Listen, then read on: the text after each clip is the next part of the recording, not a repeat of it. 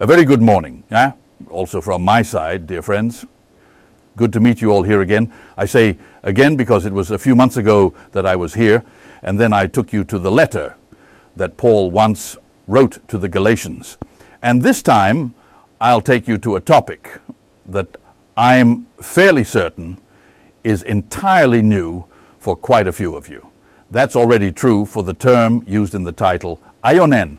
What are those things anyway? In the car, we even discussed it a bit. Can you maybe eat that or something? But that's aioli. It might sound similar, but it has nothing to do with it. no. Eternity or aionen. And what I want to make clear throughout this study is how tremendously important this theme is. Let me first say some introductory things about it. I looked it up. I didn't count it all, but that's the convenience of those Bible programs. You search in the concordance. In this case, I typed in the word age with a wildcard, and it turns out that word appears about 600 times in our Bible translation. All words that start with age, for example, eternity, but also the plural ages, which is a rather peculiar phenomenon. Because if eternity is endless, how long must ages last? How many are there of such questions? You ask them when you really don't know anything, and you step in fresh without all the baggage you've received from upbringing. Because you know how it goes when you grow up with something big, uh, things become uh, self evident, and you don't question them anymore because you don't know any better until you meet someone who has never heard of it. And they ask the simplest questions. And it turns out that those questions are already completely unanswerable.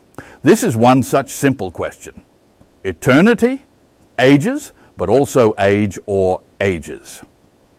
I should note that when I use these terms, or when you come across them in the Bible, don't think of periods of a hundred years, but of eras, uh, so not necessarily a hundred years, or actually not at all a hundred years, because that has nothing to do with it. When we think of eternity, we immediately think of endless. Then something else you need to know. In the Old Testament, the Old Testament is originally written in Hebrew. So when you encounter age or eternity, or ages or age in the Old Testament, it's almost always the translation of the word olam.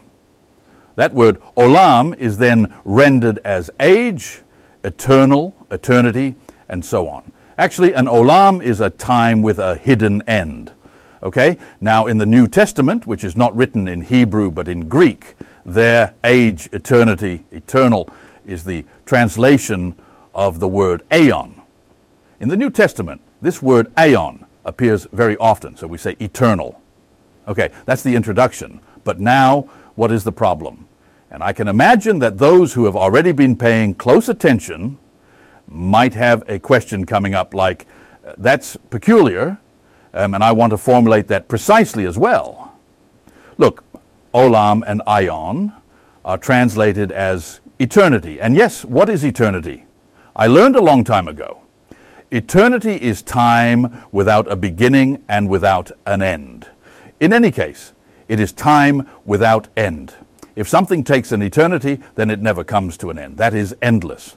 But ion is also the translation of the word age, and then it is a world era that explicitly has an end. So the question arises what about olam or ion? I will mainly focus on the word ion to keep it from getting too complicated. But how does that work? Does an ion have an end or not? The funny thing is, uh, that the question I'm asking now isn't even a real question. Because if you look this up in a standard reference work, you will quickly find the answer, and it's as clear as day. I'll, I'll give two examples of this. I, I looked it up in the Prins Encyclopedia. Yes. You don't really have that nowadays because, well, you look up everything on Wikipedia. But I still have an old fashioned Winkler Prins, page 797, part 7. Okay, it says this there. Aeon does not mean endless duration, but an era. And I also looked up the word olam. uh, in, in, a, in a Bible encyclopedia that I have in my bookshelf. You know the word we were talking about? The one uh, for which in the Old Testament eternity is usually the translation. It means a very long time, especially a time with a hidden end, where you don't see the end of it. So, not a time without end, but a time where you don't see the end.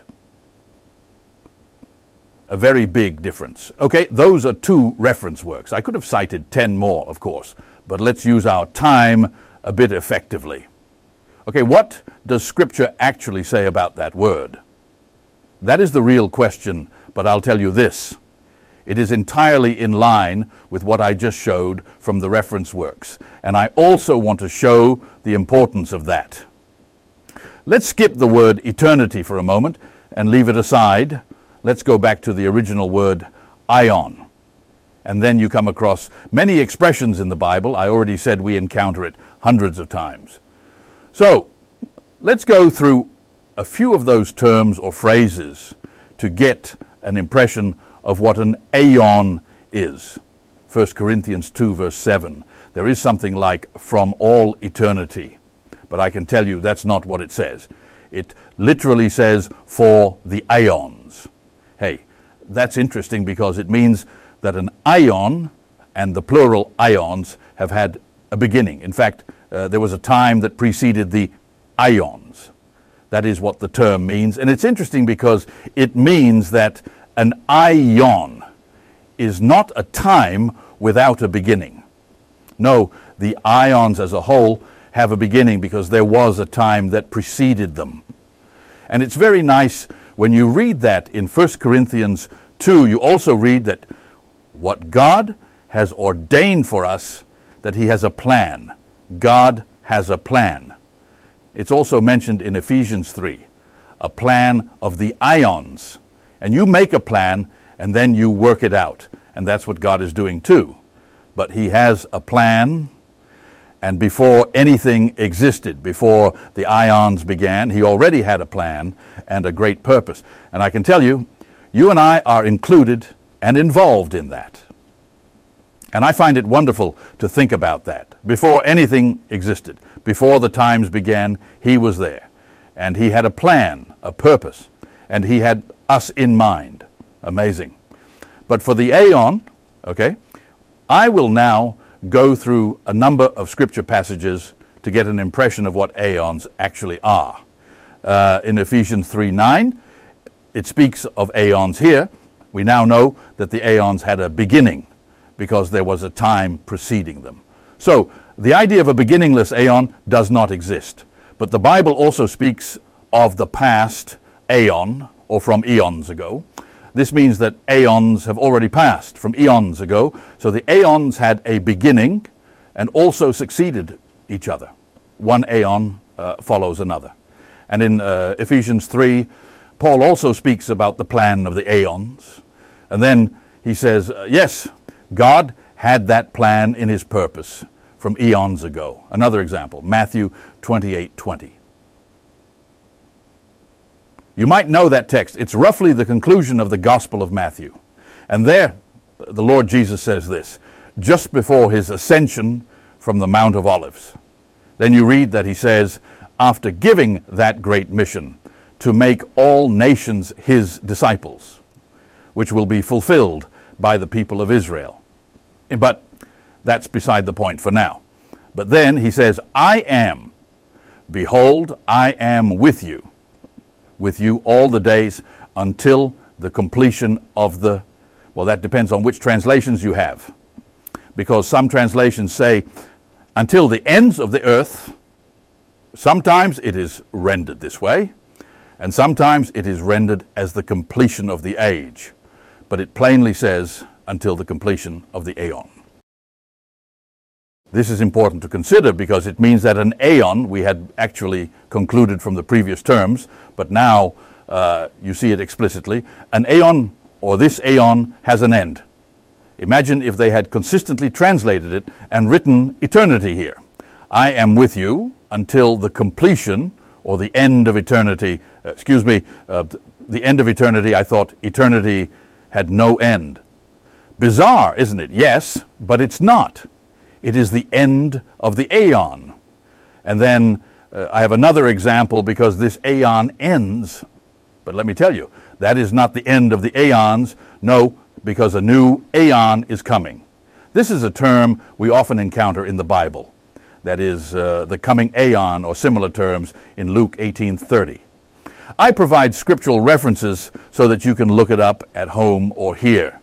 It is written about the coming aeon. So aeons have passed, and there is now an aeon, but that also comes to an end. And the Lord had said, Behold, I am with you until the end of the aeon.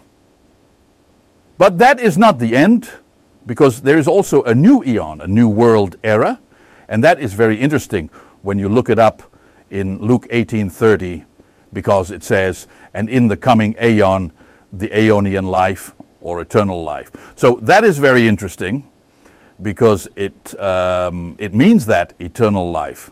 We then think of endless life. Yes, of course, it will be endless as you also speak of my vacation. It was endless. Yes, in the metaphorical sense, because I assume that your vacation was not endless in the sense that it never ended. See how language can sometimes be a bit complex. But in any case, that coming aeon, that is the era in which eternal life unfolds. That is the aeon in which Christ will reign. Most of you may have heard of the thousand years or the millennial kingdom. Revelation 20 speaks of those years, or in other words, the millennium, when Satan will be bound so that he cannot deceive the nations.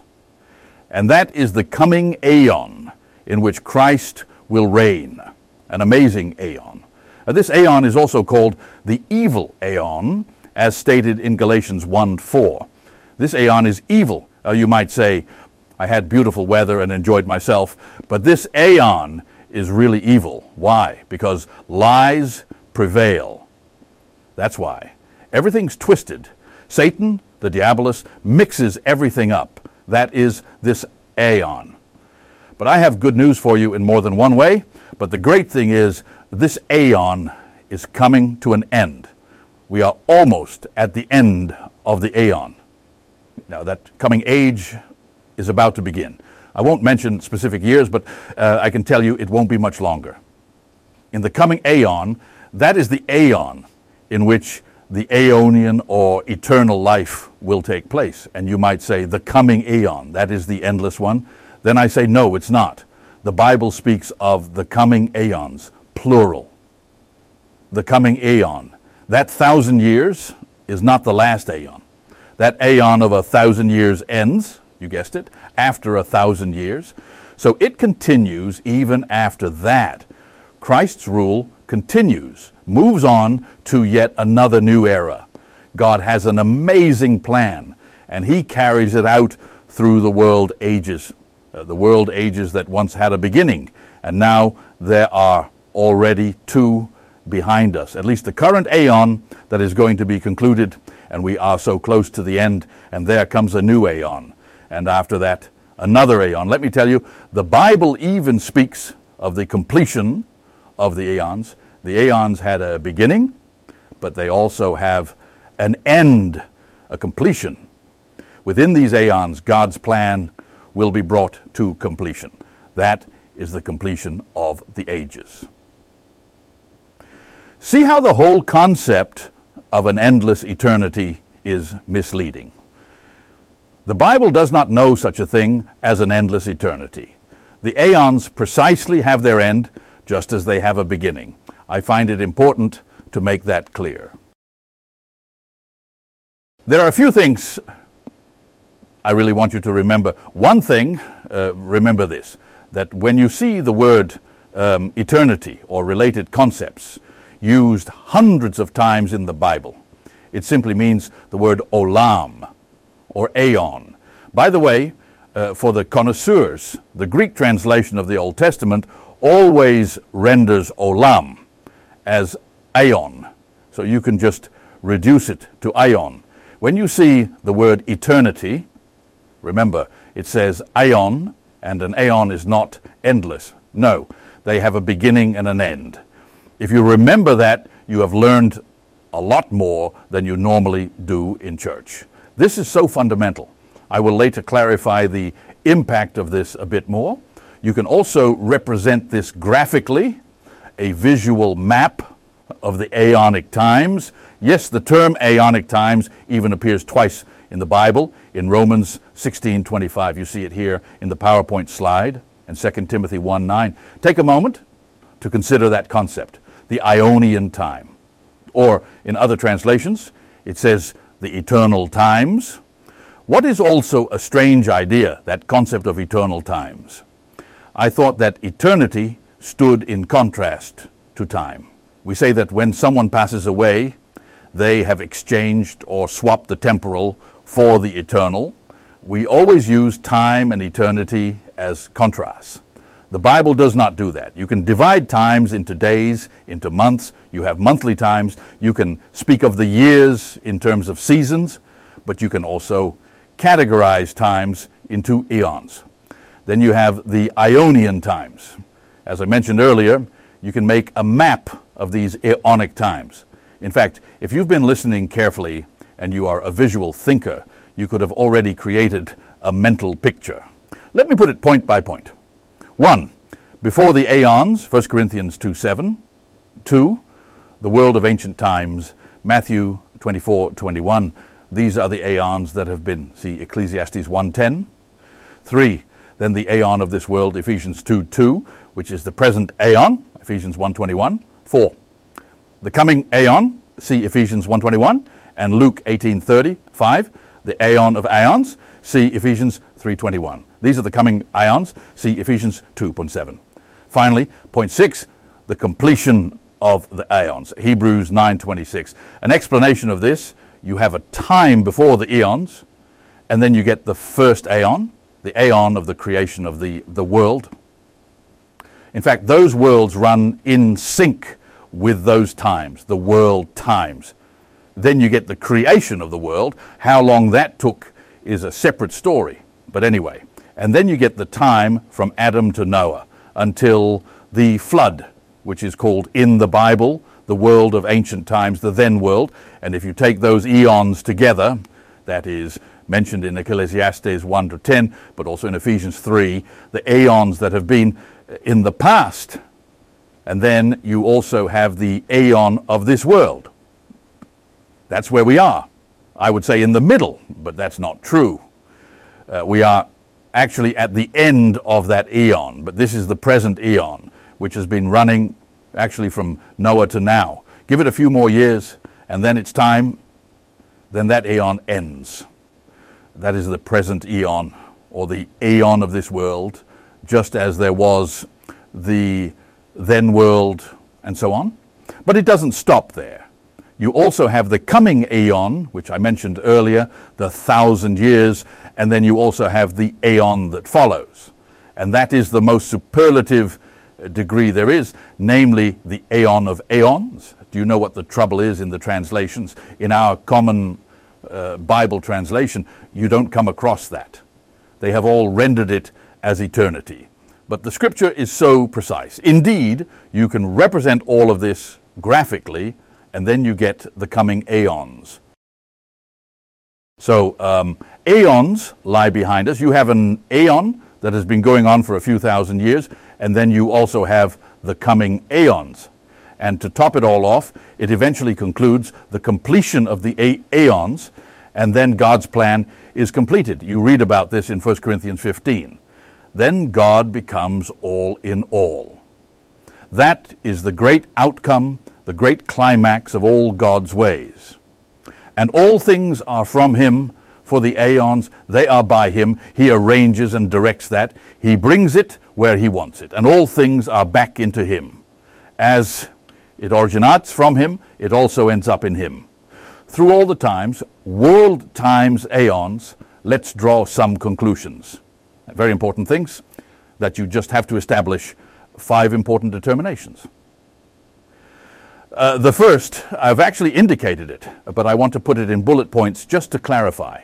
One, Aeons have a beginning and an end. That is actually the key. It is extremely important. If you don't see this, then you have understood nothing of what I have presented so far. Aeons have a beginning and an end. Okay? Number two, when the Lord Jesus Christ returns, his parousia, as it is called in the Bible, and this aeon is closed, and a new aeon begins with the return of the Lord Jesus Christ. It does not bring an endless eternity. That is the idea that has traditionally been taught in the Christian world. I grew up with it myself. It was said that we are living our lives now, and then at death or at the Lord's return, the endless eternity begins. Some might find this recognizable. What I'm going to say now is then it is eternally good or eternally bad. And by eternally bad, they meant endlessly bad or eternal damnation. But when I say not good, it is really not good, because then they mean hell, and that will never end. They do not know that hell is actually a geographical place south of Jerusalem called Gehenna, the valley of Ben Hinnom, but that is another study. With the return of the Lord Jesus Christ, an endless eternity does not begin. The Bible does not even know that concept. The Bible speaks of aeons, and then the aeons in which He will reign will begin. Yes, and then you get eternal life. That is the life of that coming age, and possibly the coming ages that will still come. Uh, that is the wonderful future that is about to begin. But that is not the endless eternity. Those are the ages that God still intends to fulfill because He also works out a plan in them. Now, I come to something else. What if I now ask the question, how long will Christ reign? Some people say that is the ecclesiastical theology. Christ reigns today honestly, I would be ashamed to say that. When I look around me, is that the reign of Christ? He is indeed the king. That's true, but he does not reign yet. He will take on the reign later there in Jerusalem. And then he will set things in order, but that is in the future. And now the question how long will Christ reign? Yes, that is very interesting because then you get different answers. Dan, because some people say he reigns forever and ever. Christ will reign for all eternity. This is also in the Bible translations. For example, Luke 133. In Luke 133, it is said to Mary that she would bear a child, and it is written, and he will reign over the house of Jacob forever, and of his kingdom there will be no end. In Revelation 11:15 it is even stronger. In our translations it reads, the kingdom of the world has become the kingdom of our Lord and of his Christ, and he shall reign forever and ever. If there is no end to eternity, then surely that will not be the case in the aeons. Then the conclusion seems to be he reigns always. But you also know, at least I assume, that in that magnificent chapter, 1 Corinthians 15, where Paul speaks about the resurrection of our Lord Jesus Christ, there he says, Christ he must reign until he has put all his enemies under his feet. And it says, the last enemy he will put under his feet or abolish is death. And when he, when he has abolished the last enemy, death, uh, by the way, do you know how he abolishes death? It's really a divine trick. Sorry for putting it so irreverently. It's a divine trick. Do you know how he abolishes death? By making everyone alive, just as in Adam all die. So in Christ, all will be made alive, but each in his own order. If all people are made alive, well, then there is no more death.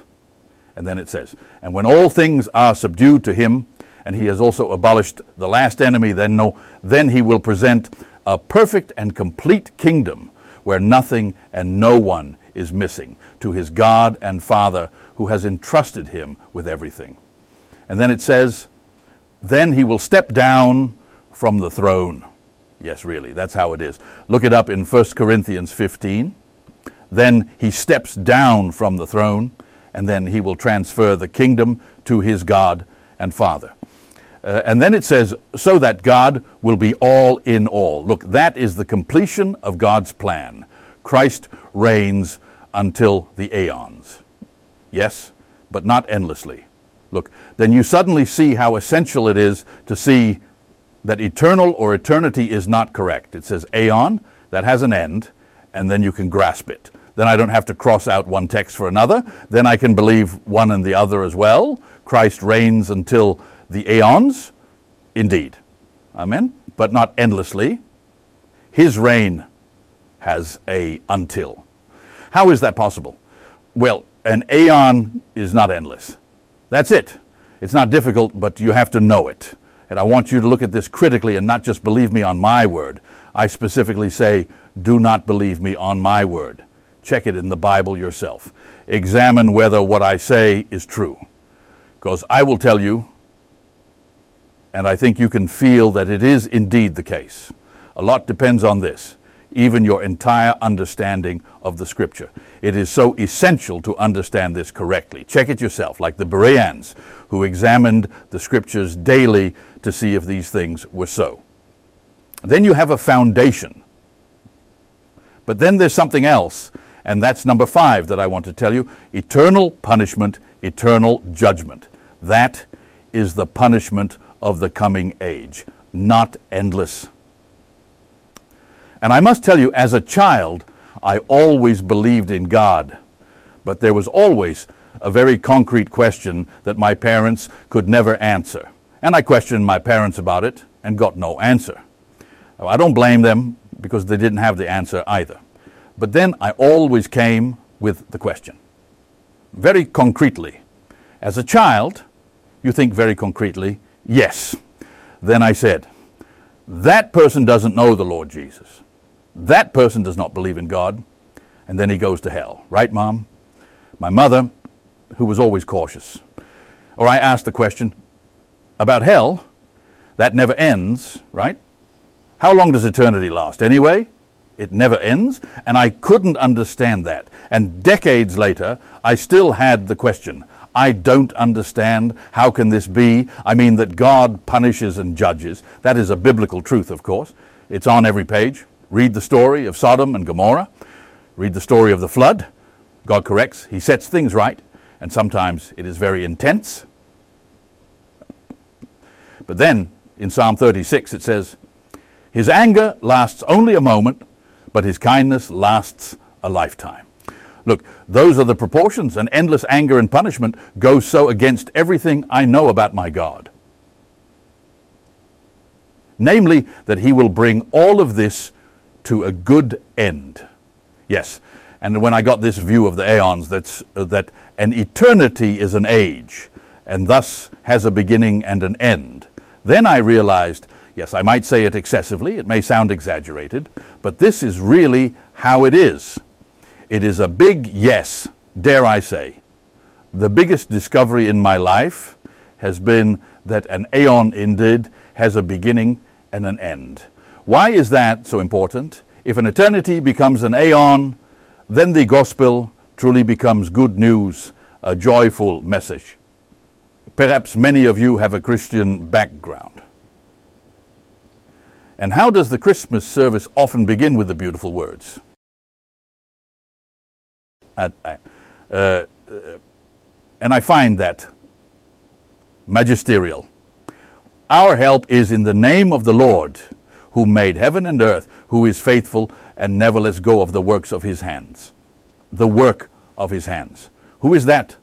What is that? Simply everything, everything he has made is the work of his hands. He never lets it go, never. He may let it go, he corrects, he punishes. But that is just like with a father and a child. Parents sometimes have to intervene, sometimes they have to intervene strongly. That can all be. But it, it remains your child because it comes from you, and you love it unconditionally, and you always bring it to a good end. That is unconditional. God loves his creation, and every creature is included in his love. And however he intervenes, he does it out of love. God's punishment is not against his love. I have heard it so often. But God is not only love, he also punishes. What nonsense. God is love, and that's why he punishes. Why? To set things right. That is what the word judgment also means. He sets it right and brings it back to where it belongs. That is not against his love, it comes from his love. Because if he didn't have love, he would have said, figure it out for yourself, goodbye. No, he intervenes, he acts, he operates.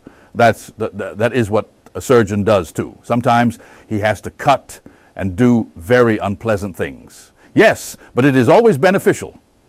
God always has salvation in mind when he punishes and judges always. And that's why he sets things right again in his time and in his way. And I must tell you, then the gospel is truly a gospel for me, because then I can say God loves you and you and you, not based on what you have done. Certainly, he loves the whole world, and he is your creator. He is your judge. He is also your savior. Does it say that in the Bible? Yes. Uh, look it up in 1 Timothy 4:10. Paul says, "For to this end we toil and strive, because we have our hope set on the living God, who is the savior of all people, especially of those who believe." These believers may already know that he is a savior. By the way, that's not a merit, but it comes because God has opened your eyes to it. That's it. I also say that is a gift from God. It says in Ephesians 2 8. Paul adds in 1 Timothy 4:10, he says, "Command and teach this." 1 Timothy 4:11, check it for yourself. Amazing. Finally, I want to conclude with two texts. 2 Timothy 1 1, 9, 10. Here is a very nice and good summary of what I wanted to present this morning. It says, he, referring to God, who saved us and called us, the word called in Greek is in the grammatical tense, the aorist. That means simply as a timeless fact. It is not about it having happened or anything. No, no, the fact is there. God who saves us and calls us with a holy calling. Not according to our works, but according to his own purpose and grace. Look, God has a purpose. God is God. He puts everything in its place. Everything I am, everything I have, everything I can do, I have received. I got it from my Father. Name something you haven't received or something you weren't. Well, that's me. You know what that is? Then you are arrogant. If you think that, it's an evangelical Christian deviation. It's a bit tricky what I'm going to say now, but I'm going to say it anyway. These people say, Yes, me. I am saved because I chose for Jesus. Did you do something? It's still a work of your own. You chose. The other was so stupid that he didn't. People, forget that now. God opens eyes. He gives you faith, He convinces you, and He does it in His time and in His way. Sometimes people say, I sought God. Isaiah already wrote about this, and Paul quotes it in Romans chapter 9, verse 30. Uh, and, and uh, a sign I was found by those who did not seek me, so it has nothing to do with works. That is so subtle. We always think again. Uh, then they say, The Lord has done everything. I only had to do one thing choose for Him. Okay, so the finishing touch was from man. So self glory, that stinks. Because it actually comes down to you doing the most important thing. Everything is from Him and nothing from us. Not according to our works but according to his own purpose and grace that is given to us in Christ Jesus for eternal times. Yes, here it says that Greek word for aeonic times, and now you know what I mean? I admit you have to get used to the word aeonic, but that's just a matter of hearing it a few times and you'll, and you'll know. For the aeonic times, a beautiful term, right? The aeonic times, uh, therefore, have a beginning and an end but an aeonic time as well, because it is succeeded by another aeonic time. See how suddenly a sea of light comes to you when you see this for the aeonic times. And then it says, but is now revealed. 2 Timothy 1:10, now revealed through the appearance of our Savior Jesus Christ, who nullifies death. He nullifies death and brings life and imperishability to light through the gospel, the good news. What does the gospel bring to light? Well, that Christ Jesus, who is our Savior, nullifies death and brings life and imperishability to light. And now I'm going to say this. It comes down to this. That is sharp, and I like that. That is clear, at least. A message where death is not nullified is not gospel. The gospel is that death is overcome. Christ Jesus, he was raised by his God and Father. The tombstone is rolled away. He is the firstborn who rose once and for all from the dead. Yes, just as in Adam all die, so in Christ all will be made alive, each in their own order. This means the entire humanity follows, and eventually all will be made alive, and there will be no more death. A message where death is not nullified. And that's what I mean by sharp. That is not gospel. Do you see how incredibly essential this is? Nothing depends on humans. He has everything in his hands. He initiated those aeonic, eternal times, and he works everything out, and it takes him millennia. That is a very interesting question. How long would those aeons last together? I actually gave a Bible study on it just this week, but it takes a very long time. Let's leave it at that. But God has the time. In fact, He made time. So, what is the problem? And He takes His time, and in His own time, he brings everything to a good end. And that is the gospel. The gospel is the message. Our God is truly God. He puts everything in its place. He brings everything to a good end, and that is through Christ Jesus, indeed our Lord. And that is what we tell, and believe it or not, and if you believe it, it's because He has opened your eyes, ears, and hearts for it. But it remains true. He is your creator, and you can say you don't believe it, but um, yeah, that doesn't change the fact that He is still your creator. In the same way, I can also tell you that He is your Savior. If you don't believe that, then you are an unbeliever. He is your Savior, just in advance. And I may believe, you may too. Everyone is allowed to believe it. Most don't believe it. But okay, it remains true. See? And that's what I find great about an announcement. It's not a command. It's not a work of if you do this and that, then it will all work out. No, it's just an announcement. Therefore, it's news. You believe it or you don't, but it's true and it remains true, and therefore all glory is excluded.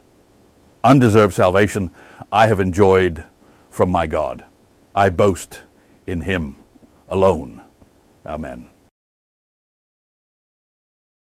Thank you for listening. This was a study by the Dutch Foundation Good News, focusing on the gospel of the Apostle Paul, using the Greek original text as much as possible instead of a regular Bible translation. If you want to learn more about the gospel of Paul, you can do so at www.goedbericht.nl. Through the Chrome or Firefox browser, using a language add-on, the Dutch website can be automatically translated into your preferred language. This Bible study was originally presented in the Dutch language and has been translated into your language through AI.